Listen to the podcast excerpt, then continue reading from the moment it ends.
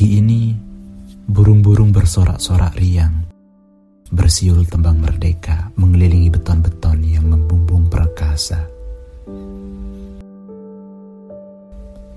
Hamparan jalanan milik orang-orang miskin yang menodong pesangon per kilometernya. Cerobong-cerobong pengepul teknokrat yang mendesak hasil gemah ripah loh jinawi yang pasrah diperkosa asing yang meniduri orang sendiri dengan janji.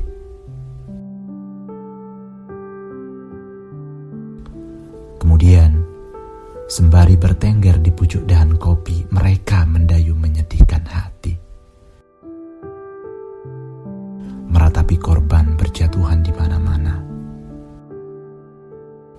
Yang satu terancam, lalu tetap mendekap di goa-goa. Yang dua takut cari-cari cara agar acara-acara tetap dipercaya.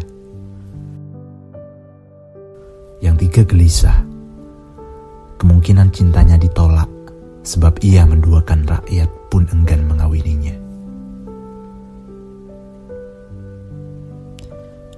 Bunga-bunga tumbuh berbalut hutang, sawah subur ditaburi serbuk parasit,